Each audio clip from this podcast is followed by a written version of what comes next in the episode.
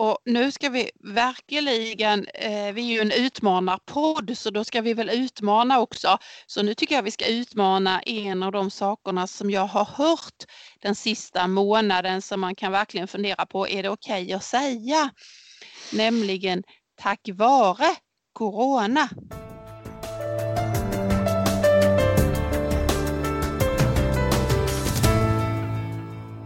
Hej och välkommen till Utmanarpodden. Podcasten som ger dig möjligheter till att reflektera och en chans till personlig och yrkesmässig utveckling.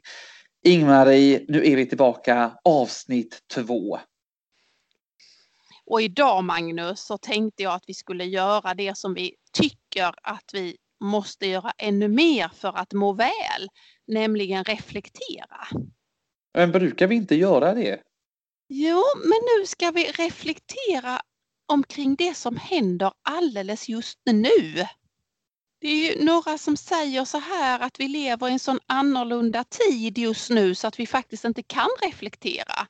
Men jag är rätt så säker på att vi kan det. Eh, jag tror att vi skulle kunna göra en liten delutvärdering. Hur är det att leva under en pågående pandemi? Ja, för det lovade vi ju faktiskt förra gången att vi skulle göra. Att det här avsnittet skulle just handla om detta. Precis, och, och jag som tycker om att vi hela tiden sätter spegel både på oss själva men också på omvärlden. Vad är det som vi just nu är med om? Så skulle jag vilja börja så här Magnus, eh, att börja med ordet sluta. Kan du berätta och reflektera över vad är det du har slutat med? Eh, då ska vi se här. Det första jag tänker på det är ju att eh, ta i hand när man hälsar. Och hur svårt var det? Eh, det var faktiskt eh, inte så svårt, men jag vet att det hände faktiskt nu under när jag var i den här Pride-studion som jag berättade om. Då var det en gäst som tog mig i hand och helt plötsligt så gjorde jag samma sak och det kändes jättekonstigt. För det har man inte gjort på flera månader nu. Eh, jag har också reflekterat jättemycket över det här att ta i hand och egentligen så gick det upp för mig eh, på grund av att jag nu har hoppat in på ett interimsuppdrag och är chef i en, en större organisation. Och jag brukar ju ha med mig ryktet om att jag är bra på att lära mig namn och göra det rätt så fort. Men faktiskt så tyckte jag att det tog ovanligt lång tid. Uh, och någon sa jag fel namn till och det var lite ny erfarenhet för mig. Då kom jag på vad det var. Jag hade inte skakat hand med dem. Ah. För när jag ah. skakar hand så skapar jag relation. Så skakningen för mig hängde också ihop med ett skapande av en relation. Vad intressant. Eh, och det här uppdraget kom ju precis under pågående pandemi och eh, eh, ja, som sagt var, jag trodde att det var någonting annat men det var handskakningen som jag saknade för att få namnet till att fastna, få en, eh, ett kroppsminne av den här människan. Mm. Jag tycker också när man pratar det här om att man eh, skapar relationer, det här med att kramas med människor. Eh, vad känner vi? Ska vi kramas? Nej, okej, vi hoppar över eh, mer restriktiv med kramarna kan jag väl säga. Jag känner helt igen mig och man börjar också konversationen med att säga ja, hur har ni, hur har ni tänkt omkring detta? Eh, hälsar ni eller hur gör ni? Och så får man liksom lära sig nya liksom, rutiner för alla de här vänskaperna som man har haft i under lång period. Jag har tyvärr slutat med att fika med min mor för alla er som har följt eh, Utmanarpodden så har ju fika varit ett centralt tema och det är ju så här att det är ett, eh, ett sätt att umgås i min ursprungsfamilj, det är att man fikar. Eh, nu mår min mor på ett boende och man får inte ta emot besök, möjligtvis lite utomhus men absolut inte med någon eh, fika eller fysisk kontakt. Mm. Så det här gör lite ont i hjärtat eh, att ha slutat med det som på något sätt har varit vårt umgängessätt sedan jag var barn. Ja, det förstår jag. Det blev så påtagligt helt plötsligt. Också man har slutat med det, att slentrian nysa. Om det är så att man måste nysa, att man verkligen så tänker på det när man är i sammanhang med andra människor, att verkligen så här, okej, okay, kan jag hålla mig eller inte? För att om man väl nyser då känns det som att man får alla blickar på sig. Ja, det är verkligen ingenting att skratta åt Magnus. Jag har gjort det en gång. Det var det Oj, oj, oj, vilka blickar alltså. Ja. Och på något sätt är det ju så här att innan när man nös så var det många som människor som sa prosit som någon sorts lyckönskning. Mm. Nu är det ingen som säger prosit när man nyser. Nej, det, det har jag faktiskt inte ens tänkt på. Det har du ju rätt i. Jag stod i bistron på eh, ett tåg. Jag åker ju mycket tåg. Eh, och då eh, var jag tvungen att nysa till. Och då kände jag bara så här, för då stod jag vid kaffemaskinen och ryggen mot folk och då kände jag verkligen så här att folk bara flyttade sig tre, fyra meter därifrån. Och på tal om det här med vad man har slutat med så skulle jag säga att jag har slutat med att ha gäster inomhus. Ja, då är du alltså väldigt mycket utomhus kan jag gissa eftersom du ändå är väldigt eh, och har mycket gäster tänker jag. Jag är ju en social person så det stämmer så att vi har fått hitta och börja med nya. Eh, vi kommer, jag tänkte så här Magnus, vi tar först listan med vad vi har slutat med. Och än så länge har vi sagt att vi har slutat med att ta i hand, att kramas, eh, lite svårare att komma ihåg namn för mig. Vi har slutat med gäster och fika och nysa. Jag tycker jag har slutat med en sak till. Nämligen att vara sjuk. Ja, ja, ja, du tänker så. Alltså du tänker så här nu när vi inte är bland folk så mycket så blir vi inte lika sjuka med de här förkylningarna och sådär, eller? Nu är det ju visserligen höst här och det börjar komma eh, de här vanliga ont i halsen och förkylningar. Men vad blev vinterkräksjukan av förra året? Den kom mm. aldrig. Vanliga maginfluensor, det kom inte. Så även om vi nu börjar komma in i lite höstsjukdomar så tror jag att det är många som ändå säger att från eh, mars till fram till sommaren så var det nog ovanligt många som var friska. Mm. Det vill säga ja. man slapp att drabbas av den här influensan som vi inte vill ha någon av oss. Precis. En sista grej kanske eh, är ju också, har jag tänkt på, att man har slutat vara på kontor. Man kör ju väldigt mycket bara via dator. Det kan man väl verkligen undra, vad ska det bli av det här? Tänk så många kontorsbyggnader som nu står halvtomma eller heltomma till och med. Ja. Stora koncerner, Ikea, Ericsson säger hemarbete, arbete på annan plats fram till jul julen 2020. Eh, ja, vad ska det bli av både de som vi har och alla tilltänkta kontorsbyggnader?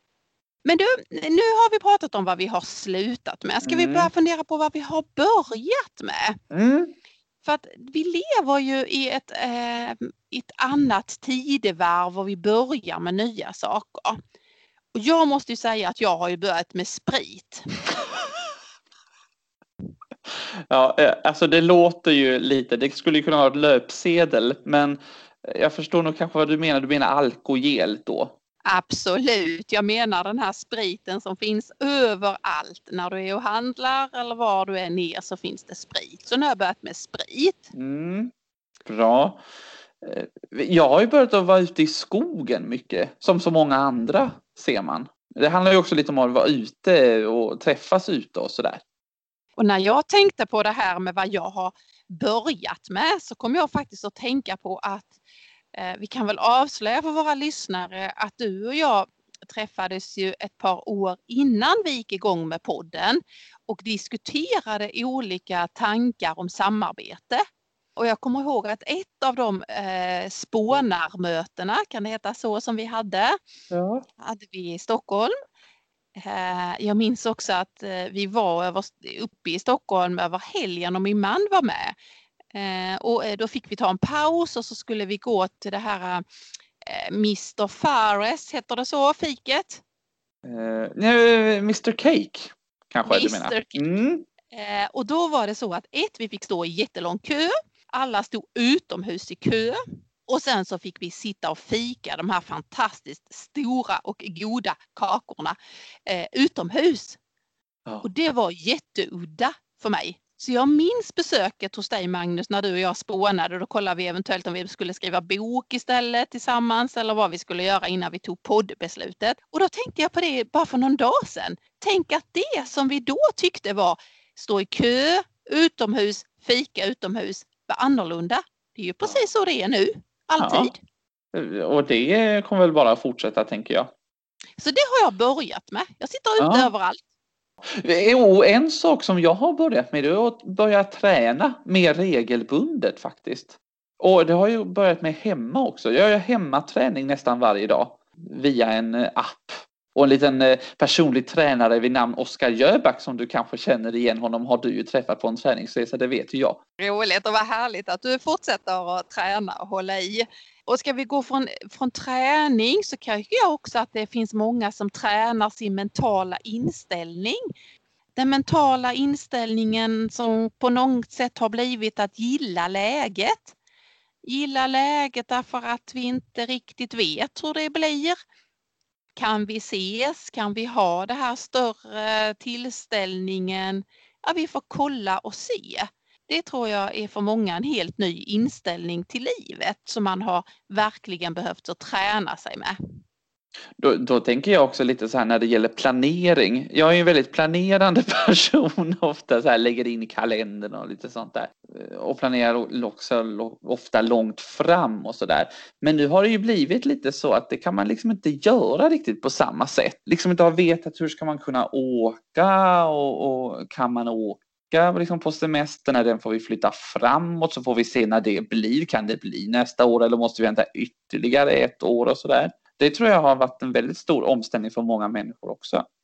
Det är helt klart så tycker jag att vi har fått ett helt annat förhållningssätt till allt som handlar planering om vi hoppar tillbaka till vad vi pratade om innan med att sluta så, så tror jag att man har slutat med långtidsplaneringar och man har också slutat med att säga det här är det normala.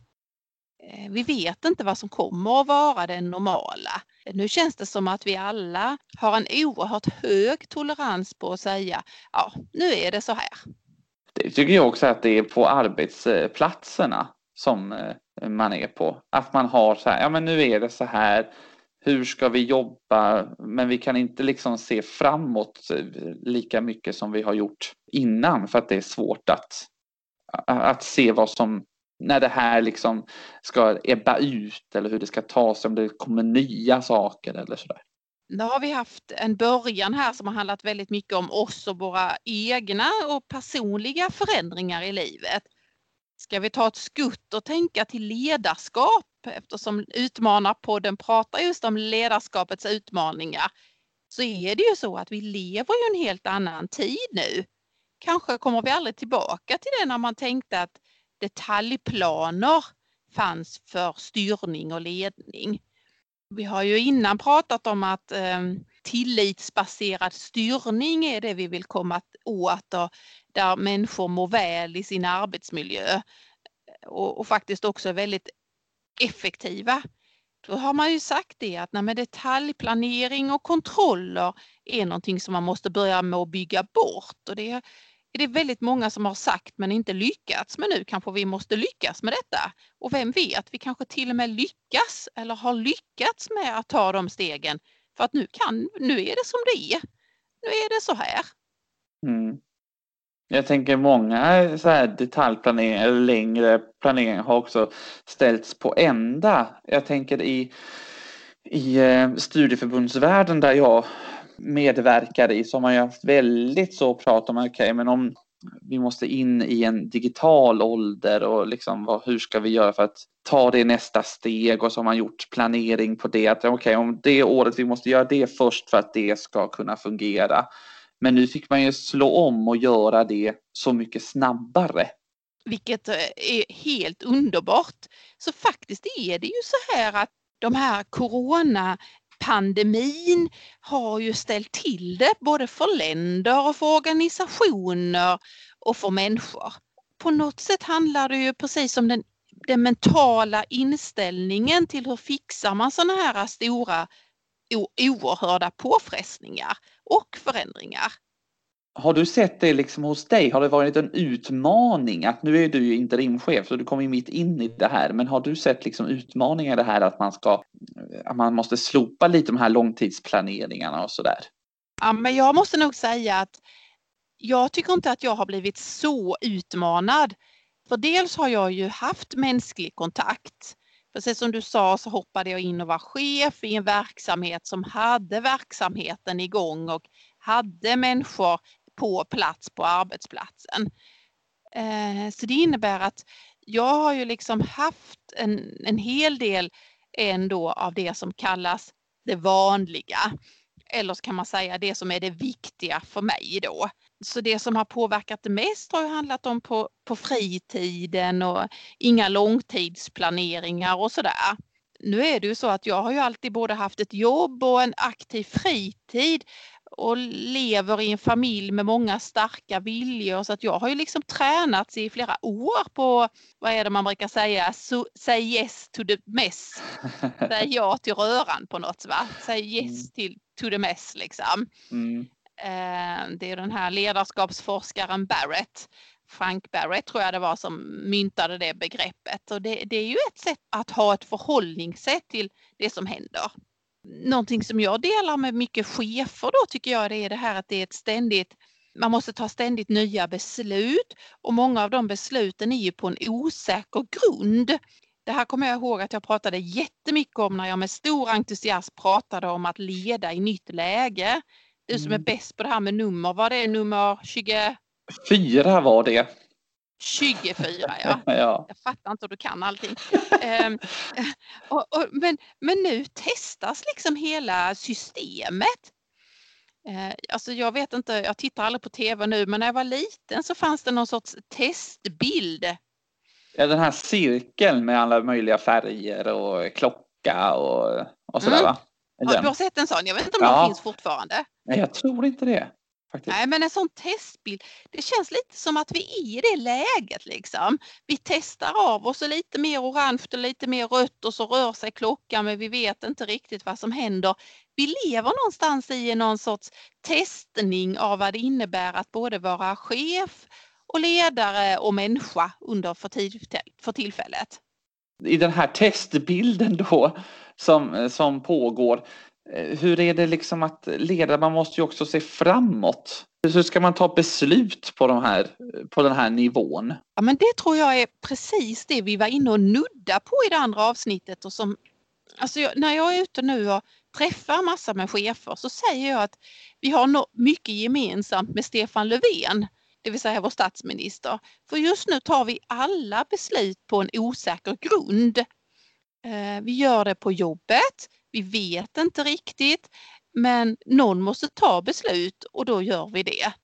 Det har ju handlat oavsett om du leder i jag var på ett hotell här nu och pratade och då sa man i hotellnäringen att ja, man permitterar ju så mycket man kunde mm. och trodde att det skulle bli kaos och kris.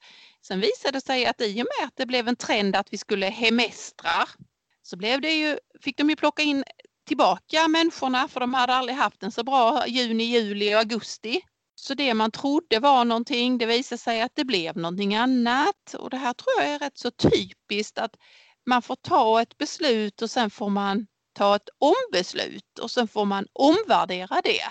Vilket har nu hänt under det här halvåret och det kommer ju säkert fortsätta vara i ett år till eh, och är också ännu mer framåt beroende på hur eftersom vi ser eh, konsekvensen av det under många år framöver. Men ska vi fortsätta lite till med det här med att vara, att vara ledare mm. så kan man ju säga att den här ökade föränderligheten jag brukar alltid hitta på ord, men jag tror det finns ett ord som heter så.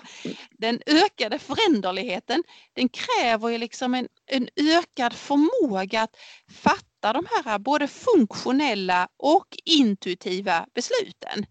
Förr kanske man ville ha de optimala besluten. Men jag tror att det är värre att vänta på att ta ett beslut än att faktiskt ta ett beslut oavsett om man är i en pandemi eller inte. De här eh, cheferna som tänker jag ska ha alla saker på plats och ska vi ha gjort tidsplanen och så ska vi ha övervägt hit och dit och gjort konsekvensbeskrivningar. De har det svårare nu Mm. Därför att nu behöver vi tränas i förmågan att fatta funktionella och kanske till och med intuitiva beslut. Så här får vi göra just nu. Och jag tänker att det är väl det som medarbetarna vill ha också. Beslut på, okej, okay, nu, hur gör vi här nu egentligen? Ja, det har ju blivit alldeles speciellt att vara chef i de här tiderna när människor jobbar på distans. Så någonting annat som har utmanats i ledarskapet är ju det här äh, distansledarskapet. Där man på ett sätt ju har kommit längre ifrån sin chef. Även om många företag försöker ha både Skype-fika och Zoom-macka och allt vad det kan heta med de digitala verktygen som finns så är det ändå så att man kan vända på det och säga att medarbetare kanske till och med har fått lite större mandat. Därför att innan kanske man var lite osäker på sitt beslut och så gick man till kaffemaskinen och så mötte man någon och så gjorde man en avstämning. Nu är det kanske så att det har blivit tydligare att den som är närmast uppgiften, den som sitter närmast uppgiften om man tänker en, en administrativ sak, en administrativ problem som ska lösas, ja då är det ju liksom medarbetaren som sitter där, kanske 15 mil ifrån någon annan. Och även om det finns digitala uppkopplingar så kanske det är så att det är den som är bäst på att bedöma vad som behöver göras nu. Och det mm. tycker jag vore fantastiskt roligt om vi skulle kunna få med detta eh, också möjligheten att, att få man, mandat och ansvar närmare till medarbetarna. Mm. Ja men verkligen, för man har ju då längre också till sin chef också. Så att man, den måste ju också ge det mandatet till mm. den här medarbetaren och medarbetaren måste känna att hen har det. Det kanske är så att det sker lite naturligt i eh, den här kontexten när det sker digitalt. Jag tror det också samtidigt som jag är helt övertygad om att det finns något som vi behöver ännu mer än innan och det är kommunikation. Eh, att hitta vägar att kommunicera. Eh, sen kan det vara nya vägar och gamla vägar. Fast information, kommunikation kommer och är ännu mer viktig nu. Därför att nu måste det struktureras, det kommer inte av sig själv. Nej, man möts ju inte där i korridoren. Men det var lite tankar om det här med att vara ledare i, en, eh, i, en annorlunda, i ett annorlunda sammanhang. Jag skulle säga i en annorlunda kontext som är namnet för det här sammanhanget som man leder i. Det är ett annorlunda Ehm, och precis som jag sagt innan så skulle man kunna kalla det att det är det agila ledarskapet, det här rörliga, föränderliga, eh, rätt så snabbfotade eh, ledarskapet. Nu är det så här, då gör vi så här. Nu var det inte så som vi tänkte igår, då gör vi så här. Så eh, visst är det en utmaning att hitta sin ledarroll. Eh, människor på distans, osäkra beslutsunderlag, Eh, de optimala beslutens tid är kanske över för några år framåt i alla fall. Detaljplaneringar finns inte. Kontrollfunktionerna finns inte längre. Tänk innan var man bekymrad att folk kanske eventuellt gick in och läste sin privata e-post någon gång under sin åtta timmars dag. Och nu vet man av, oavsett hur många man vänner man har så vet man att eh, de i alla fall berättar att någon gång har de både stoppat i tvättmaskinen och diskmaskinen och sådär. Mm. Och innan var det liksom, ja det har hänt jättemycket omkring hur, mm. hur man signalerar tillit som ledare. Mm. Och det kan man ju, med tanke på det så kommer det bara upp en, en fundering med det här med att lägga in tvätt tänker jag. Det är ju mm. någonstans där du tar det är en paus i ditt arbete, den pausen du kanske tog där vid kaffeautomaten tillsammans med någon annan för att du ska kunna få till någon ny energi igen?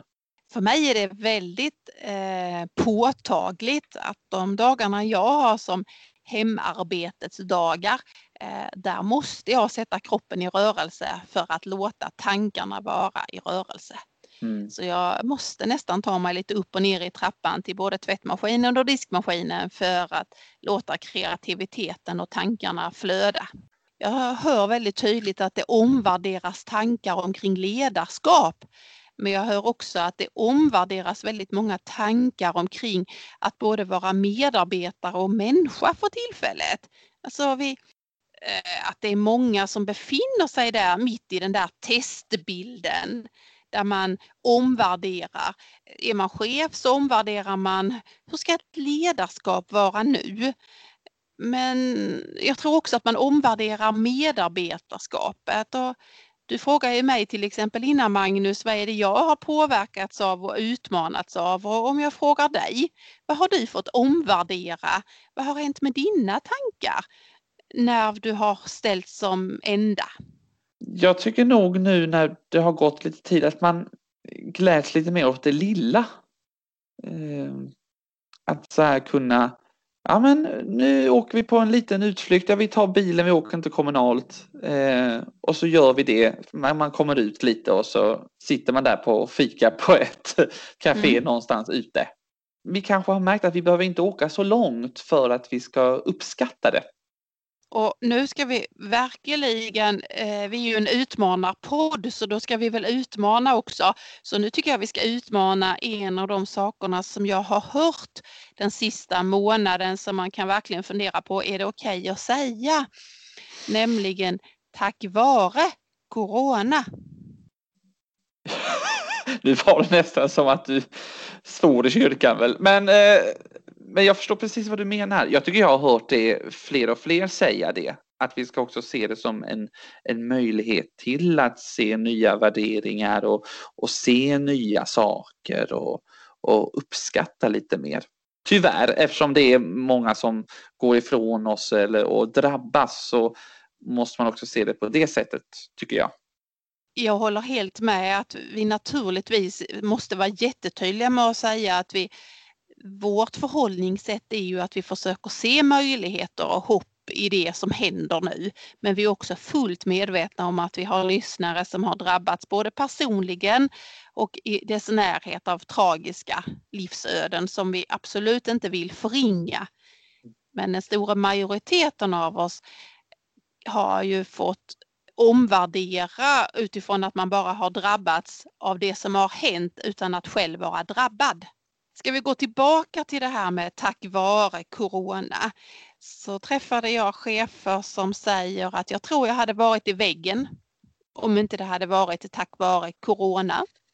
Jag har träffat människor som säger att tack vare Corona så fick jag en tankepaus. Ja. Det vill säga att det där ständiga ekorrhjulet slutade en liten stund och nu visar det sig att det var ju en rätt så lång stund som den har slutat gå i sina vanliga, springa runt i sina vanliga banor. Vad har du hört i för sammanhang när människor trots allt har sagt att det fanns något gott i detta? Eh, jag måste nog säga att det jag har hört är eh, många som säger att vi är i samma situation och tack vare corona så är vi närmare varandra. Det låter ju lite konstigt för vi får ju inte vara nära varandra. Men som sagt, vi sitter i samma båt och vi måste ro den tillsammans. Och då kan man liksom hitta någon förtröstan i, eh, i det där. Att tack vare corona så, så är vi mer tillsammans än någonsin kanske. Och kanske också mer eh, att vi hör av oss till varandra på ett annat sätt. Vi har ett mer behov av att så här, kolla läget med dem vi känner och, och eh, verkligen ta oss tid att undra också kring det. Tack vare corona är det ju en hel del pendlande människor som har fått en helt annan livsrytm. Därför att man faktiskt har fått möjligheten att eh, inte lägga så mycket tid eh, på en pendling utan lägga det på någonting annat. Men du Magnus, det här har ju varit ett långt avsnitt som har handlat om detta. Om att sluta och att börja om livets nya förutsättningar. Jag är rätt så fascinerad över att det har hänt någonting som så markant har förändrat mindset, vår mentala inställning, men för många också människor har utmanat oss ner till våra skosulor, det vill säga långt ner i oss så har någonting utmanat oss. Jag måste bara fråga då. Eh, i, vi, vi har ju ändå litet åldersspann mellan oss. Men har du varit med om det här på något annat sätt? Alltså inte ett virus på det som har drabbat, men någonting annat som har gjort på samma sätt? Liksom? Eller är det här unikt? För jag kan inte komma på någonting. Nu känns det som att jag som är då äldre skulle säga ja på kalla krigets tid eller något liknande. Va? Men så gammal är jag ju faktiskt inte Magnus. Men kalla kriget var ju inte så länge sedan då. Det var ju Sovjetunionens fall. Det, det kanske påverkade dock öppna gränser och så vidare. Ja.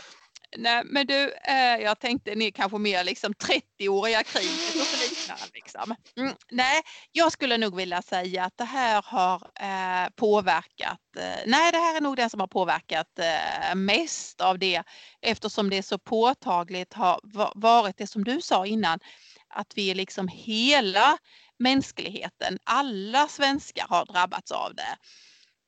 Det är ju ofta en av de sakerna när man när det själv skakar i ens egna fotsulor, att pelarna i livet inte riktigt håller, så går man ju ofta in till ICA och så tänker man, nej men kära någon, här gör de ju precis som de alltid har gjort, men jag har ju drabbats av detta eller mina nära och kära och så.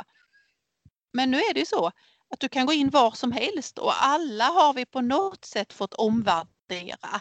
Vi har fått sluta med saker och vi har fått börja med saker. Vi har fått börja med att ställa oss i köer. Vi står utomhus i kö om det är mer än fyra där inne. Vi väntar. Alltså, det finns ju, jag tycker det finns en otroligt stor acceptans för att vi nu alla beter oss på nya sätt. Du Magnus, eh, jag tror att det är dags att vi eh, säger någonting till sist om ekorren.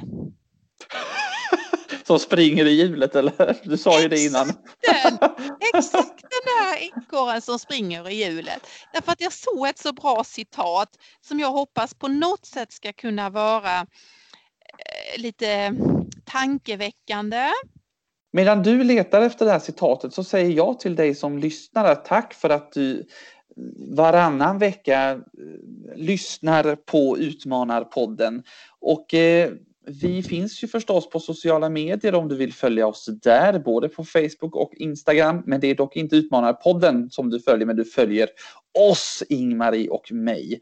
Och sen så tycker vi om när vi får reaktioner på våra avsnitt. Så att gör gärna det. Skriv ros och ris helt enkelt. Ingmarie, har du hittat citatet? Jag vill absolut säga att jag har hittat ekorren. Jag har hittat ekorren och jag har hittat ekorrhjulet och, och skulle vilja ta med den tanken som slutkläm på ett avsnitt som har handlat om vad har vi slutat med, vad har vi börjat med, om att livet har fått nya förutsättningar. Och om det är något jag önskar alla våra lyssnare så är det att ekorrhjulet skulle sluta snurra så himla snabbt. Att man faktiskt skulle hinna med livet också. Men då måste någonting hända. Då måste nämligen den som är ekorren sluta att springa. Om ekorrhjulet ska sluta snurra så måste ekorren sluta springa.